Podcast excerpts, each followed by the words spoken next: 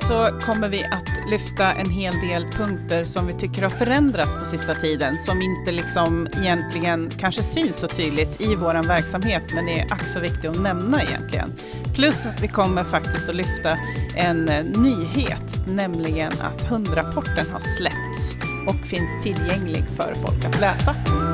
Du lyssnar på Hälsans hundar, en podd om sociala tjänstehundar. Hej Sara! Tjenare! Nu är det dags igen. Nu är det dags och vi har jättemycket spännande att prata om idag. Så Ja. let's dig in. Det har ju hänt lite nytt nu. Ja, det har ju det och det har det ju gjort egentligen, det gör det ju hela tiden typ. men, men det som vi har tänkt att vi vill lyfta som jag tror också vi faktiskt provade att försöka göra förra gången vi fick, skulle få till en säsong som inte blev av. Just det. Eh, det var ju det här att vi har ju liksom eh, eh vågat ta ett ganska stort kliv ifrån eh, vissa liksom, eh, kan man säga, hårt ställda kravdokument och faktiskt eh, själva luta oss mot vår egen kompetens och eh, tittat lite på hur vi vill hur vår relation ska se ut till våra tjänstehundar och så vidare. Och det vi också märker eh, förändras en, till stor del också internationellt nu. Eh, och det är ju just det här att kravet på, på hunden eh, ser lite annorlunda ut. Eller egentligen inte några kravställningar egentligen. Nej, och det där, nu fastnar man ju i ord då. Vad man lägger Ja. in för värderingar i ord och sådär.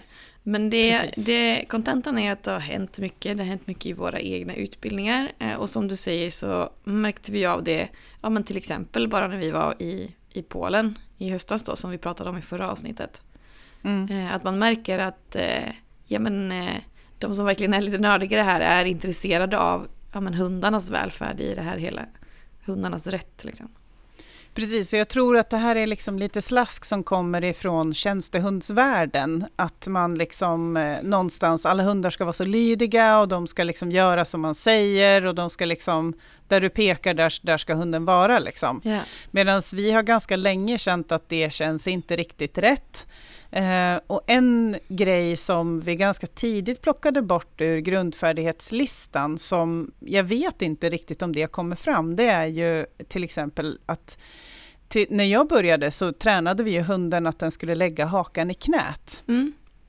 Och det har vi ju faktiskt tagit bort för länge sedan Som ur krav, ja. listan. Ja, Mm, precis. Sen finns det vissa hundar, det är ju ett naturligt tiggbeteende. Ja. Det finns vissa hundar som tycker om att lägga hakan i knät. Mm. Eh, och det ska de ju såklart få göra. Men det är inte någonting som vi tränar alla hundar till att göra. Nej men precis, vi har börjat titta väldigt mycket på individerna, vad de har hjälp av i, i sina egna beteenden och sådär. Precis, personligheten får titta fram lite mer och, och liksom hundarna får välja att göra saker som de själva trivs med. Det är ju liksom Ja. det som är viktigt. Och det är ju samma med, jag tror det försvann ännu tidigare, den här lilla fasthållande kramen. Det kan låta ännu skarpare än vad det ens någonsin har varit, men, men vi hade ju det på lämplighetstesterna. Ja, Eh, och den var det ju faktiskt länge sedan som den plockades bort. Precis. Eh, och vi hittade ju någonstans en gammal information bara häromdagen, att det fortfarande stod kvar någonstans, fast det är jättelänge sedan det plockades bort. ja och det är ju fruktansvärt Du jobbigt fick sån att panik, upptäcka. ja. Ja, det, det var någon som snäll själ som hade uppmärksammat och sagt att det står faktiskt i anmälningsformuläret att ni har en, en fasthållande kram. Och, och jag, jag höll på att trilla av stolen, för Ja. jag tänkte så, men gud, hur kan det här fortfarande stå kvar? Men det är klart att det dyker ju, vi utvecklar vårt material hela, hela, hela tiden och någon gång ibland så slinker det emellan sådana här fraser som vi då har misslyckats med att ta bort. Ja, det är ju mycket, enkelt. om man ska titta på hemsidan, det är ju sjukt mycket information och det är många anmälningsformulär eh, och det är mycket online-material och sådär. Så det är ju svårt att komma ihåg överallt som nå- någon formulering eller sådär står när vi vill ändra. Exakt. Men nu är det ändrat i alla fall. På det Nu är stället. det ändrat. Ja, Det gick fort. Precis, det, det tog sekunder till jag hade fixat det. Eh, nej, men det är jobbigt såklart att upptäcka att det står att vi liksom har eh, den typen av behandling fast vi inte har det. Sen ska man ju veta, som vi nämnde i förra avsnittet, att när det gäller PADA-testet så kommer vi att ha en modell på, vad vad ska man säga, omfamning. Alltså att man man lyfter ju upp hunden lite i bröst, bröstkorgen. Det är inte en kram, men Nej. det är ändå en liten sån, här kommer jag och liksom jag lägger mina händer runt din kropp eh, i, vad är det, fem sekunder och sen så släpper man ju ner hunden. Mm. Eh, men det är ju fortfarande en hund som då verkligen inte gillar att varken kramas eller någonting annat, den kommer ju tycka att, men den kommer inte släppa fram någon att kunna göra det heller. Egentligen. Nej, som vi nämnde förra gången att kan man inte få klappa hunden eller om den trivs hos en, då kommer man inte fortsätta med de momenten. För de stegras Nej. ju lite och så avbryter man när hunden visar att det här eh, vill jag inte. Så Precis. det är väl skillnaden. Men, och det som var med den här kramen, det var ju eh, man tvångshöll ju inte fast dem, men man försökte få till det liksom. Mm, precis. Och ja. det är ju lite så att en kram kommer ju när ja. man är på jobb. Ja. Jag till exempel gjorde ju examen här nyligen ja, med, min, med min lilla Stella, tackar. och då kom en sån eh, spontan, spontan kram. Ja.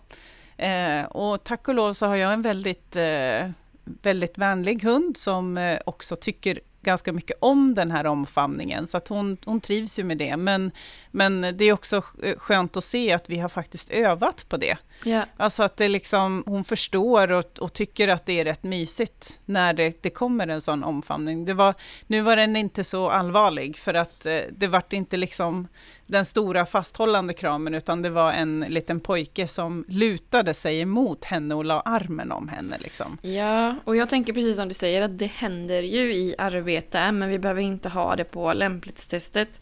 Eller på liksom den bedömningen. Däremot så har vi ju haft lite att man kan träna hundarna lite i att bli bekväma med det. Att om du lägger hakan på min axel så kan jag börja hålla upp, nu visar jag här fast det kan ju inte lyssnarna se. Men att man kan börja hålla upp händerna i luften. Alltså att man kan göra det väldigt, väldigt stegvis och lära hunden att, ja. att det är eh, trivsamt och okej ifall det händer. Men vi behöver inte ha Precis. det som en avgörande del i något, något test från Nej, början. Exakt, och det var ju lite så, det finns faktiskt till och med i vår bok beskrivet ja. hur man skulle kunna träna det. Ja.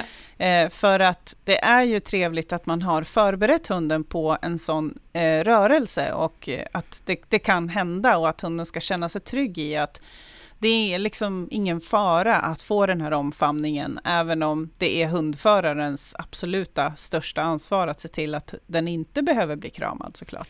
Nej, precis. Nej, och jag tänker att det beror jättemycket på hur det ser ut, eh, vad man jobbar med för målgrupp och precis som du säger, ja, men en liten pojke lutar sig mot eller vissa vill lägga armen lite runt som, som runt axlarna. Liksom. Mm. Men mm. det är mm. också stor skillnad på det att, och att framifrån eller ovanifrån liksom hålla fast hunden runt halsen eller Precis, eller, sådär. eller lyfta upp eller så. Ja, jag har ju deltagare som kan vara lite impulsiva, eh, framförallt en person som eh, har svårt att ta instruktioner och älskar hundarna eller Ray är det ju eh, nu mm. för tiden som hon träffar. Eh, och där får jag ju hela tiden vara med i matchen. Alltså jag måste ligga mm. steget mm. före hela tiden. Ge mm. lite andra sysslor och, och sådär. Eh, och när det är på väg att kanske bli lite, hon kan vara lite hårdhänt och så. Så får man eh, mm. snabbt vara där med sina egna händer, ta mina händer istället och sådär. Man, ja. man, det är mycket ansvar på hundföraren helt enkelt. Ja, men det är det ju och det kan gå fort också. Det är därför man behöver verkligen ha en hund som har fått förutsättningarna och känner igen yeah. the moves helt enkelt. Ja, men precis. Och det ehm. går ju egentligen eh, in i nästa lilla, vi har, har stolpat lite sådana viktiga punkter som vi vill prata om. Och en av punkterna är just det här tanken om att en hund inte ska behöva stå ut med någonting. Ja, det är ju det som är jätte, alltså hela essensen i våran vision om en bra relation till sin sociala tjänstehund och att arbetet ska vara roligt. Ja, för det är skillnad, eh, vi pratade lite om haka och kram, det är ju väldigt specifika moment, men det här är ju mer någon slags helhetsapproach eh, i hur vi för hund och hur vi ser på hunden som kollega. Mm. Eh, att hunden inte ska behöva utstå bara för att. Precis. För att, alltså till, vad ska man säga, i människans tjänst på något sätt. Eller, nej men mm. det är ju mm. så bra för den här deltagaren att, ja fast det är hunden, hunden måste kunna välja liksom. Precis. Och att, att vi liksom någonstans också lyhörd för vad hunden gillar och tycker om. Mm. Och inte tvingar dem in i en situation som de inte trivs med. Eller att man säger att ja, men det är lugnt, den, den, eh, den kan ta, ta det här. Liksom. Nej, och vi har ju egentligen i alla år så har vi faktiskt pratat om det här med att använda hundens styrkor och vara medveten om hundens alltså vad ska man kalla det, svagheter är ju fel ord, men vad den kanske inte uppskattar då. Mm. Eh, och, och vi har ju pratat mycket om det att vissa hundar älskar ju kanske klappar och myset mest av allt och en del gillar liksom aktiviteterna lite mer och så. Och att man kan använda sig av det för hundens skull. Det får man Mm. ändå säga att vi har ju pratat om väldigt länge. Eh, Ja. Men nu har man liksom börjat gå ifrån, vad ska man säga, regelrätt lydnad lite mer då. Precis. Det är ju en, en ganska viktig del i det. Liksom, att vi, det är klart att eh, lydnad i den bemärkelsen att man kanske har tränat handtaget och att hunden ska kunna positionera sig och man visar med handen och så vidare. Liksom. Ja, så och kunna kalla in typen- hunden. Alltså ja, så liksom den typen bryta. av lydnad finns ju. Ja. Ja, precis. Men, men inte liksom att man eh, ställer kravet att du ska gå fram till den personen och, och stå kvar där tills jag säger att du får gå därifrån. Den har vi lämnat för ganska länge sedan. Precis, och också lite apropå det där då, om någon kanske är lite hårdhänt eller sånt och hunden visar att den vill kliva ur situationen, att vi då inte säger stanna för att vi kan säga stanna för att vi har ju tränat eh, lite grunder. Utan hunden Precis. får gå liksom. Ja, exakt. Och det har vi också märkt att ju mer vi ger eh, liksom ansvaret till hunden att själv välja, desto mer vill de ju faktiskt vara kvar. Ja.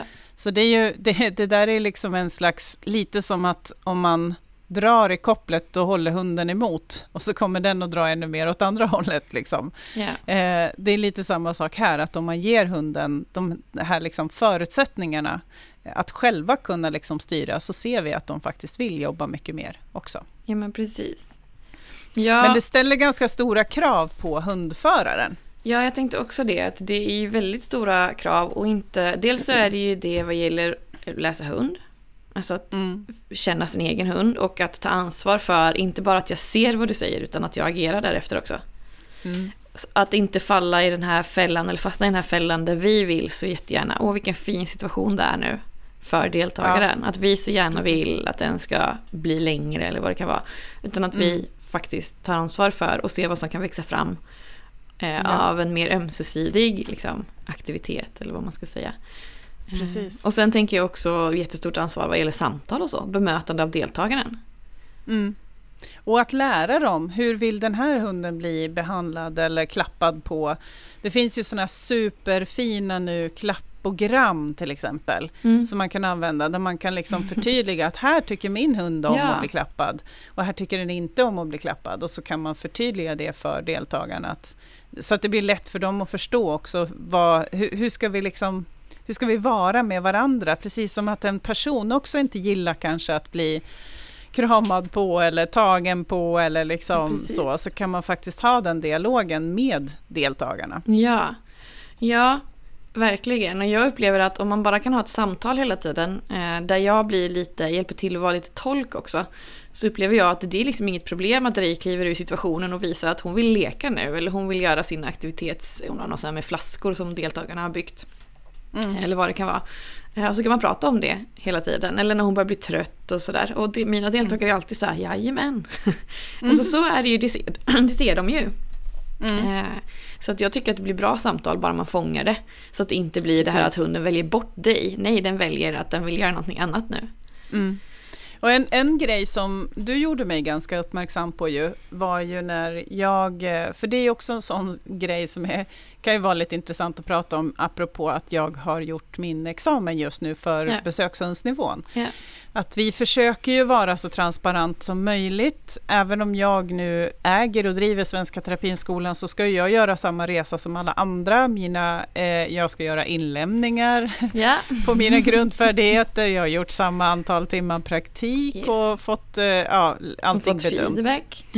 Precis. Och du uppmärksammade ju mig på en grej som man ibland kanske inte ser när man står och tittar på, men när man filmar sig själv och sen tittar på det och börjar nörda lite grann, då är det ju ganska lätt att hitta eh, och kanske faktiskt förstå lite mer. För det som hände var det att eh, en grundfärdighet är ju att hunden ska sitta på en stol och bli klappad, eller i en fåtölj. Ja. Hade jag valt fåtöljen så hade vi förmodligen inte sett det här.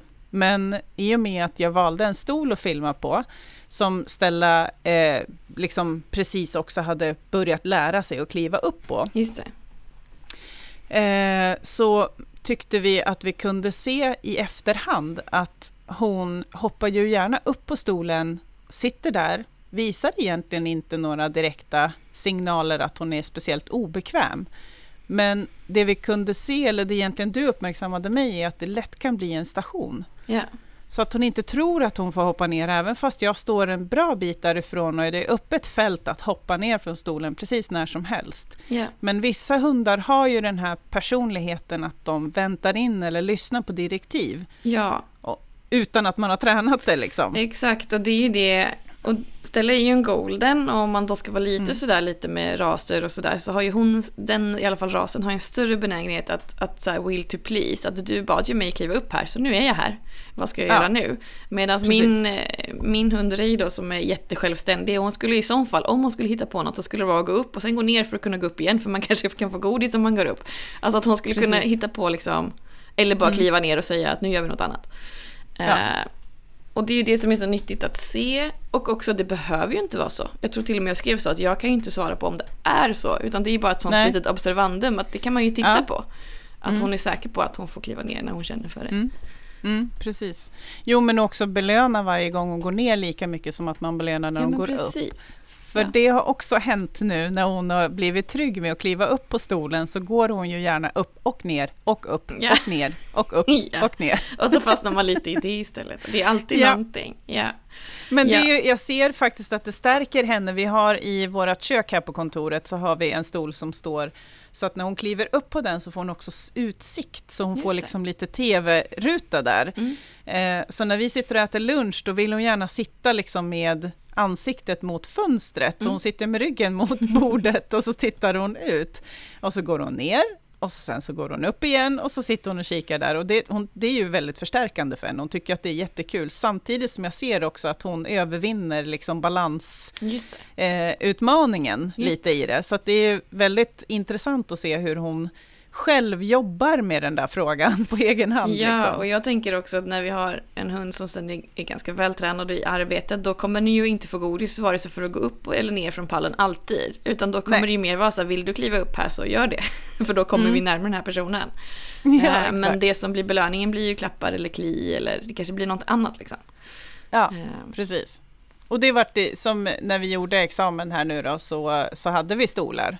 Eh, och då, hade, då fick hon ju inte godis förrän liksom, deltagaren hade en godispåse i munnen och det gick ju alldeles utmärkt. Liksom. Ja. Eh, och där kunde hon också hoppa upp och ner. Nu valde hon inte att hoppa ner, men det är klart att finns det en godispåse i någons knä så, eh, så sitter hon ju gärna kvar och väntar in och ser vad som skulle kunna hända. Liksom. Ja. Ja. Men Så skulle att, hon eh, komma på att det inte var värd väntan så skulle hon kunna kliva ner. Ja, precis så. Eller att det finns kanske en leksak nedanför som lockar lite mer.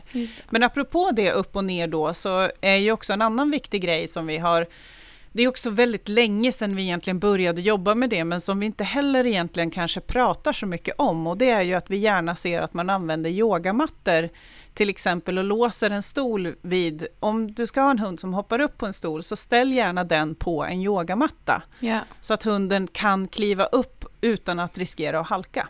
Ja, och det eh, pratar vi jättemycket om på utbildningarna ju. Eh, Mm. att, att ha med sig mattor, eh, gärna kanske flera, just för att kan, då slipper man hela tiden säga nu ska vi flytta, då måste vi lyfta stolen, flytta Ja. mattan och sådär. Eh, men det är Ja. ju super, super praktiskt med yogamatta och Mm. det blir ju stor säkerhet också, ja men lite för alla inblandade. För att om Ja. hunden, hunden kanske kan absolut ta sig upp på en stol utan, men sen är det ju nerhoppet. Och så Mm. är det också att förutom hunden, jag har en hund som inte bryr sig alls mycket om hon slarvar och sladdar in i någon vägg eller någonting. Men vad händer med stolen? Då flyger den bakåt. Vad sitter Precis. där? Den kanske sitter en deltagare. Alltså det finns så mycket risker kring det. Mm. Så det är ju för alla inblandade på något sätt. Ja men precis. Och en yogamatta kan man ju också köpa och klippa isär så att man till exempel har den, för det är ju också lite halkigt om hunden ska sitta på golvet och bli klappad bredvid en stol. Ja. Då kan man underlätta för hunden och faktiskt klippa dem i mindre fyrkanter och, och så kan man lägga ut sådana vid varje stol där det sitter en deltagare som ska hälsa på hunden. Mm. Så blir det också enklare för hunden att faktiskt kunna sitta kvar utan att behöva spänna sig så himla mycket. Ja, och jag tänker ofta, jag eh, jobbar ju i sån annorlunda miljö ju, så vi har ju absolut inga hala golv eller sådär, vi har fullt med trasmattor. Men jag märker till exempel en, en eh, deltagare vi jobbar med har, velat lära dig att rulla runt, så det har vi jobbat med. Och det gör hon ju bara där det är mjuka mattor. Ja. Och det är en sån sak att man också kommer ihåg att ja, men, eh, jag kanske har lärt min hund olika tricks men om den tycker att golvet är halt, till exempel rulla runt, det är svårt att ta spjärn mot någonting då. Och att man Ja. verkligen behöver ha någonting under hunden då med. Eh, Så att den Precis. kan utföra det vi kanske, den kanske gillar att göra det. eh, Men Mm. under rätt förutsättningar så att säga. Mm. Mm. Ja, men det, är, det är viktigt eh, att tänka på. Så det är ju, sådana saker är ju liksom, och samma sak ska man ha kamp eller att man ska liksom sparka boll eller göra någonting och hunden ska röra sig fram och tillbaka. Då är det också ganska bra att ha en yogamatta eller flera. Ja. Och liksom använda sig av Ja men enkelt. precis. Och man anpassar sig efter, efter miljön. Men det är väl sånt som, som sagt, som har varit med i utbildningarna väldigt, väldigt länge nu. Men som man inte når ut med utanför. Exakt, lite så. Och det här med flyktvägar, det nämnde vi lite i förbifarten, men det håller vi ju Ja. jättehårt på också. Eh, och Ja. det är ju sånt som vem som helst kan glömma av för att man är bekväm i situationen själv och sådär. Men vad handlar det om? Jo men alltså om man tänker sig då om vi är tillbaka på den här stolen igen, Ja. eller soffan, eh, så kan det vara väldigt lätt så att man säger liksom här, varsågod hoppa upp eh, och hälsa. Men sen ställer man sig precis för, så att liksom man står kanske framför deltagaren för att säga liksom hej till personen. Men det innebär också att du egentligen blockerar flyktvägen för hunden. Ja. Och det är någonting som är väldigt viktigt att tänka på, att man faktiskt har en, en möjlighet för hunden att kunna röra sig. Så att slutna fåtöljer till exempel, om det bara finns en utgång, det vill säga där, där man sitter med benen, då får du inte själv ställa dig för. Nej, eller, eller- sitta precis framför eller... Exakt, precis. Eller- Och ännu mindre hålla fast i kopplet eller någonting sånt, utan det ska hela tiden finnas liksom en möjlighet för, för hunden att eh, kunna kliva ner om den skulle vilja göra det. Alternativt om en deltagare blir våldsam till exempel eller så. Ja men precis. Ja och jag tror att en av anledningarna till att det ibland kan vara lätt att komma av sig i det, det kan är ju också att vi gärna stödjer hundarna. Så vi är ju gärna med i till exempel en klappsituation och kanske klappa på bröstet eller sådär. Eh, och att vi då vill komma lite närmre. Och då hamnar vi i den där gluggen som du beskriver med just fåtöljer med, med höga armstöd och sådär. Att vi Mm. måste tänka på hur vi vinklar oss så att det tydligt finns en väg ner. Och jag tänker också med mindre hundar att det kan vara bra att det finns kanske en fotpall eller liksom någon slags, eh, något steg ner så att det inte heller kan kännas obehagligt att hoppa ner. Precis. Ehm, och, Och att de inte hamnar... Ja, exakt. Och att de inte hamnar i en situation att de eh, liksom blir låsta. Och har Nej. man en liten hund till exempel som man kanske sätter i knät på en person, då har man ju givetvis frågat hunden först om den vill dit. Mm. Men eh, hela grejen där är ju att faktiskt öva hunden på att berätta att den vill dit. Eh, Att hela tiden fråga, vill du hälsa på den här personen? Och hunden ska kunna säga ja.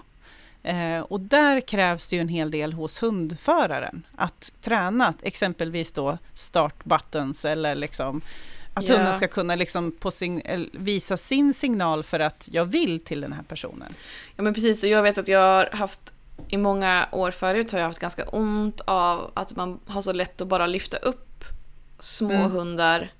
Man kan liksom se hur de nästan hoppar undan från händerna och, och det är så, eftersom de är små så är det lätt att hugga tag i dem. Och jag vet att jag har pratat på mina kurser ganska mycket om det, att men om jag håller ner händerna och hunden kommer till mina händer, då förstår den antagligen att jag kommer lyfta, för det har ju hänt så många gånger. Men Mm. att man på något sätt vill se, alltså det ska se trevligt ut, inte bara att jag suger tag i hunden och kastar upp den hos någon. Nu överdriver Precis. jag, men just den där ja, men frivilligheten i att hunden förstår vad som kommer hända. Ja, men och det finns många olika sätt man kan göra det där på. Ett till exempel är ju att man alltid låter hunden ta sista steget själv. Ja. Alltså att man sätter hunden i en fåtölj bredvid eller en stol bredvid personen och sen får den själv hoppa upp i knät på den här personen som den ska hälsa på. Ja, Eller så kanske den väljer att bli klappad på, på stolen istället. ja men precis. Eh, Det är ju Ja. ett sak, en sak. Sen kan man ha till exempel att man själv då håller i hunden och om hunden skulle vilja så känner man det på att den lutar sig mot en annan person till exempel. Ja. Och då får man ju också vara väldigt noga med att förstå att det kan ju också vara så att hunden lutar sig för att den tappar balansen. Eh, för att den kanske blir liksom... Ja, man känner den, skillnad. Den upplever, ja, exakt, precis. Man känner skillnad på rörelserna och hur, hur liksom musklerna spänns. Om det mer är liksom en plötslig eller om det är att den söker sig emot, tänker jag. Ja, ja och precis. jag är väldigt inne på det där själva lyftet också. Eller om man har en trappa där man frågar att här vill du kliva upp här. Det känns ju smidigast, men om man nu behöver lyfta, just det där att samma sak där, att den sista biten, sista steget in i händerna tar hunden själv till exempel. Exakt, Det är ju precis. samma sak, tänker jag. Ja. Eh, det och att den ett- också då har en möjlighet också att kliva ur, Ja, om den skulle ja, vilja precis. Ja, och det finns Mm. ett så himla fint eh, filmklipp om man då inte har fobi för råttor. Men eh, det finns ett, eh, något gammalt YouTube-klipp med eh, en, eh, en gammelråtta som inte ska hoppa så mycket. Så de lär in hiss. Och det har Ja. jag tänkt jättemycket på med, med små hundar just. Att så här, ja, men, det. Just det är svårt att bygga en liten hiss för att lyfta hunden, det blir bara obalanserat. Men just det, det Ja. konceptet, för där har de som en liten platta då, så när råttan kliver på Mm. plattan så rör den sig. Eh, Mm. Och så tränar de liksom. Så till slut så förstår den att den kan kliva upp på den här plattan, så kommer den upp eller ner då, beroende på vart den befinner Ja. sig. Fast man skulle kunna ha en liten plinga, att Ja, hunden går fram och precis. plingar och säger jag vill hälsa, Mm. eller liksom så. Ja men det finns Så jättemycket sätt att, att lösa det. Mm. Så det, är ju, det gäller bara att vara lite påhittig, men eh, eh, vi kanske får ha en sån liten eh, temahelg eller någonting i träning av just eh, säga ja, grejer. det är Vi ska ju ha ett eh, läger i maj, är tanken. Ett sånt choice and control, eh, där vi ska gå igenom de här fem frågorna som jag och Tess har utarbetat. Mm. Och bland annat där handlar det om just det här att, att eh, fråga hunden om den vill hälsa till exempel. Eller om Ja. den är klar till exempel. Och vi kommer gå igenom de frågorna lite grann i ett poddavsnitt så man får lite input och kanske Mm. får lite feeling och komma på läger också. För det är jättespännande men det är Ja. inte alltid helt enkelt. Och ibland så kan Nej. vi tänka att vi tränar någonting, eller vi lär hunden att välja men vi har förstärkt upp det så himla mycket. Alltså belöningshistoriken är så stor så att hunden väljer den för att den Alltså är ni med att man får en sån Mm. stark känsla för beteendet. Jag Mm. hade ju som idé att jag ville lära min häst eh, om han ville, alltså vad han ville göra. Typ ridning, Mm. körning och sådär. Men jag fastnade i tankarna så himla mycket så att jag har tyvärr inte kommit så långt. För jag blev så här, nej men om han, om han väljer ridning några gånger så får det jättehög belöningshistorik.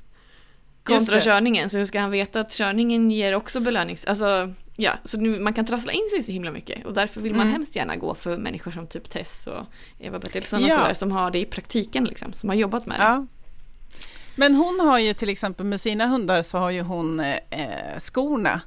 Eh, Ja. Så att hon har ju så här cykelskor och så har hon vandringsskor och så har hon eh, liksom, jag kommer inte ihåg om det var någonting mer, men där kunde de ju välja då om de ville gå på tur på cykel eller om de ville gå promenad. Liksom. Då går de och pu- puttar på den typen av sko som, Mm, som, de, eh, som hon har då. Liksom. ja. Och då Eh, gäller det ju att lära sig hur de förstår den konsekvensen Ja. eh, såklart. Och inte bara eh, köra ett targetbeteende lite random till exempel. Alltså det finns jättemycket Precis. spännande med det här och jag älskar det. Eh, och jag skulle verkligen vilja implementera det ännu mer med Ja. alla mina djur egentligen. Sen gör man det ju absolut och jag måste säga att vissa tycker säkert att mina hundar är ouppfostrade men kommer de med bollen så leker vi med bollen. Och, alltså man Mm. har ju mycket av det i sig eh, redan Mm. eh, men skulle Mm. vilja förfina det liksom. Ja men eh, lite så, och det är väl lite hela det här liksom konceptet som jag tror att jag faktiskt har fastnat i, det har ju vi pratat om tidigare också, i varför, eftersom jag har gått den här hundfilosofutbildningen också nu, Mm. där jag kanske har liksom landat lite i att eh, jag förstår varför jag inte tävlar så mycket med min hund. Mm. Eh, för att jag tycker att det är mer spännande att liksom utveckla kommunikationen på annat håll. Även om jag tycker just rallylydnaden har varit faktiskt väldigt skoj och den vill jag fortsätta med och jag skulle vilja fortsätta med mer med till exempel kongsök för att det är bra stimulering för, för hunden. Då kommer Eh. lite gratis reklam för min egen del här. Eh, Ja. specialsökboken måste du kolla in. Ja, Den eh, har ju Britt eh, Nylund och Helena Linde skrivit. De har ju skrivit den här Nosework-boken också. Eh, Ja. Båda de är ju superbra. Nosework-boken är ju vad det låter som om Nosework. Och eh, specialsökboken är superintressant för vi har ju gett ut den och jag har korrat den och nu har jag ju den här hemma. Och jag sprang och köpte Oh. Kong och eh, har ju börjat lära in den doften och så. Absolut inte för tävling. Eh, mest för att vi gör så mycket redan som det är, men som superrolig grej för mina deltagare att göra när de får gömma små kongbitar. Och Ray ja. har ju dock lärt sig de vanligaste gömställena på jobbet såklart för att yeah. ja, det är inte så, så tävlingsinriktat. Men super, eh, vad ska man säga, inspirerande. Om man ja, är sugen ja, på just roligt. kongsök. Ja, då, den ska jag ju... Har den kommit ut i butik eller? Eh, ja då, ja. det finns. Men eh, då ska vi ju såklart, då kommer vi kanske kunna lägga en länk till den boken. Absolut, i, det kan jag göra för den som är nyfiken på ja, att lära in lite mer. Bra. Men det slog mig ja, bara när du sa själv det, att ja, rallylidande och ja. Liksom. Mm. Och det är ju liksom, om man tänker sig att man, när det kommer just till hundunderstödd aktivitet, yeah. som inte ska vara så målinriktat och behöver dokumenteras och utvärderas, så Eh, så är ju just de här hundaktiviteterna ganska värdefulla att göra. Ja. Barnen tycker att det är superroligt att gömma saker och jag har tränat Stella i att ha en ögonbindel på sig också. Mm. Det tycker de är jättekul. Så att eh, vi har lite kvar att jobba på där, men, men eh, hon klarar det ganska bra faktiskt. Mm. Så att eh, målet är att hon ska liksom fixa att ha en sån där på sig när de gömmer när de godis. Då. Mm. Ja, och det är ju, jag har ju vuxna deltagare fast ja, men inom LSS och sådär. Och jag är ju samma sak, att de älskar att gömma saker och där kan vi anpassa helt efter nivå på person då. Så jag har en person som gillar att gömma godis. Eh, och ibland så vill den personen gömma små så här, Ikea mjukisdjur eller vad det är, sådana små. Eh, och då lämnar hon, eh, djuren lämnar hon i en sån liten hink typ. Eh, och sen mm. har jag ju deltagare som förstår lite mer så här polishundar, de jobbar med att leta bomber. Och då har vi liksom de här små kongbitarna, att det är ju istället för att leta knark och bomber, för det får vi inte Just göra liksom. Så man kan, man kan liksom styra det jättemycket efter. Och vi jobbar ju lite målinriktat kring deltagarna där med det beror ju på vad man har för uppdrag liksom, men där vi jobbar lite med ja. initiativförmåga och mm. alltså lite sådana, ja, vad ska man säga? Just det. Ja, nej men hur som helst, då fastnar vi i det. Eh, ja. Du, jag skulle vilja lyfta en grej till. Och mm. det är ju den här hundrapporten jag har hört talas om. Ja, då får jag göra lite reklam för ja. mina projekt. Nej men eh, den är ju publicerad nu och eh, finns ju tillgänglig. Jag, har, eh, jag ska bara trycka på publicera på våran hemsida också, för jag har en länk till där den ska finnas. Och sen så finns det ju givetvis hos SLU, eh, där vi kan liksom eh, ja, både se själva webbinariet där vi hade liksom en, en sån här, kan man säga, kort genomgång. Ja, ja. ja, precis. Men jag kan läsa lite på, eh, vad heter det, pressreleasen som har kommit ut. Ja men gör det, för jag har ju missat detta. Ja, och då står det så här att eh, sociala tjänstehundar arbetar tillsammans med sin förare med så kallade hundunderstödda insatser inom framförallt skola, vård och omsorg. En ny rapport belyser dessa hundteams arbete och hur den kan påverka hundarnas välfärd samt lyfter fram otydligheter i regelverk som kan påverka insatsen. Författarna presenterar ett tiotal rekommendationer som de anser behöver införas nationellt för att kvalitetssäkra verksamheten och trygga hundarnas välfärd. Mm. Och sen så står det också så här att det är Lena som har presenterat sig. Eh, Anledningen till att vi skrev den här rapporten var att vi fått information om att det används outbildade hundar inom skola, vård och omsorg, vilket kan innebära en risk för både hundarnas och människornas välfärd, säger Lena Lidfors. Det saknas riktlinjer från myndigheter, vilket gör att länsstyrelserna gör egna tolkningar av hur de ska arbeta med frågan. Dessutom behöver veterinärer informeras om hur veterinärbesiktningar av sociala tjänstehundar bör genomföras, menar Lena Lidfors, som då är professor i etologi. Eh, så att det, det finns, och det, det, är lite mer text i den här pressreleasen också, men Superspännande. Kontentan, ja, och kontentan är egentligen att det är en rapport skriven om eh, och för sociala tjänstehundars välfärd och eh, sen finns det också en del generella beskrivningar både när det gäller effekter av sociala tjänstehundar men också liksom hur eh, anknytningen ser ut, hur man ska tänka som uppfödare till exempel, hur viktig, alltså hur fruktansvärt viktig första tiden är för hundarna. Mm. Eh, och hur man ska liksom fundera kring förberedelser av en social tjänstehund. Så det är liksom en, en rapport på jag tror vi landade på om det var 110 sidor eller någonting sånt där ja. när vi var klara. Ja. Så den kan jag varmt rekommendera. Där står det väldigt mycket matnyttigt och jag hoppas och ber nu till gudarna att Jordbruksverket tar sitt ansvar och eh, erkänner de här tjänstehundarna och, och eh, tar in dem i, under sina vingar helt enkelt. Ja, vi kommer ju följa detta såklart och vi har ju tänkt att vi ska kika lite på rapporten i, i podden lite närmre. Eh, mm. Så att eh, vi ska prata mer om det. Men just att den är helt rykande färsk så att nu kan man få tag i den. Yes, Äntligen. precis så. Jag har ju följt dig i det här så att i, i kommande avsnitt kanske vi får lite inside information hur diskussionerna har gått också. Det är väldigt ja. spännande tycker jag. Jag mm. tjatar om det, men det är det. För det är så högaktuellt. Ja, det är det. Och vi ska också säga det för de som jobbar med andra djur, så finns det ju också en rapport för hästunderstödda insatser. Yeah. Och det finns också en för lantbruksdjur. Så att det finns eh, tre rykande färska rapporter mm. faktiskt. Välbehövt. Det är ju mm. lite, mm. Jag kan tycka ibland att vi har legat lite efter när det gäller den typen av texter och liksom eh, mm. någon form av riktlinjer och sådär. Eh, mm. Jämfört med hur mycket och hur det har exploderat att faktiskt jobba med djur på det här sättet. Mm. Men det, det, känns som att det ligger i tiden nu mm. att, att eh, både myndigheterna och andra aktörer börjar lyfta på, på luggen lite och titta lite mer uppåt än bara ner i backen. För jag har ju också haft en dialog med Brukshundsklubben till exempel, just eh, angående just det här och vad de här olika branschorganisationerna kan göra för att kvalitetssäkra. Så att, Eh, apropå det här med transparens nu då och eh, jag blir examinerad av min egen organisation, vilket är jättetokigt, så hoppas jag ju att vi i framtiden sen kan erbjuda externa eh, lämplighetsbedömningar och externa examinationer. Mm. Eh, åtminstone i alla fall Ja, exakt. Och att i, åtminstone i alla fall, den bästa hade egentligen varit om man åtminstone har kunnat eh, lägga ut lämplighetsbedömningen och sen så har man kunnat haft som akkreditering att man har ett ansvar att rapportera in till exempel hur en examen har gått, men att den kanske kan göras eh, hos respektive organisation. Så gör man i, eh, utomlands, vilket jag tycker är ganska bra mm. faktiskt. Alltså, det finns ju många olika sätt som det skulle kunna gå till på. Mm. Eh, men det är ju just det där att ja, men att undvika jävet. Liksom. Och vi gör ju vad vi kan ja. för att verkligen, ja men jag har ju gått igenom dina uppgifter precis som vem som helst.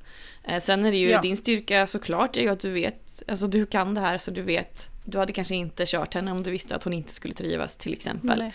Eh, Nej, så det precis. finns ju många styrkor så, men, eh, men du har fått feedback precis som alla andra om jag har sett någonting som är liksom tveksamt. Eller? Men det är ju lite så också att jag har ju egentligen inget att vinna på att ta någon genväg, Nej. för det skulle ju lysa igenom när man börjar visa det för folk sen. För även om jag inte jobbar jättemycket med deltagare, vilket jag i och för sig har gjort nu, hoppas ju att min... Jag har ju köpt en husvagn också ja, som jag ska jäkla. använda. en sån plutteliten. Ja, en liten, liten bubbla som jag ska inreda som ett litet portabelt klassrum. Men grejen är ju den att normalt sett så har jag med mig mina utbildade hundar på konferenser till exempel för att visa lite hur man kan jobba och, och där är det ju otroligt viktigt att saker och ting fungerar. Mm. Så ja. Att, äh, ja. ja. men vad spännande. Um, mm.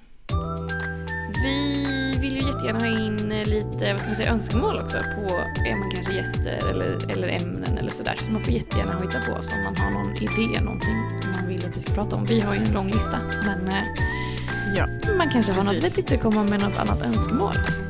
Eller så är det du som lyssnar som, har eh, en, som kanske är en jättebra gäst till ja, oss. Precis. Ja. Så du får jättegärna höra av dig i så fall till oss, antingen då via vår Facebook eller Instagram, eller eh, tror jag att det finns kontakt på hemsidan också. Yes. Ja, man hittar oss om man vill, tror jag. Ja, det tror jag också. Men det har varit eh, lika kul som vanligt att spela in ett nytt avsnitt och eh, vi ses igen om några veckor. Ja, ha det så bra. Hej hej! Du lyssnar på Hälsans hundar. En podd om sociala tjänstehundar.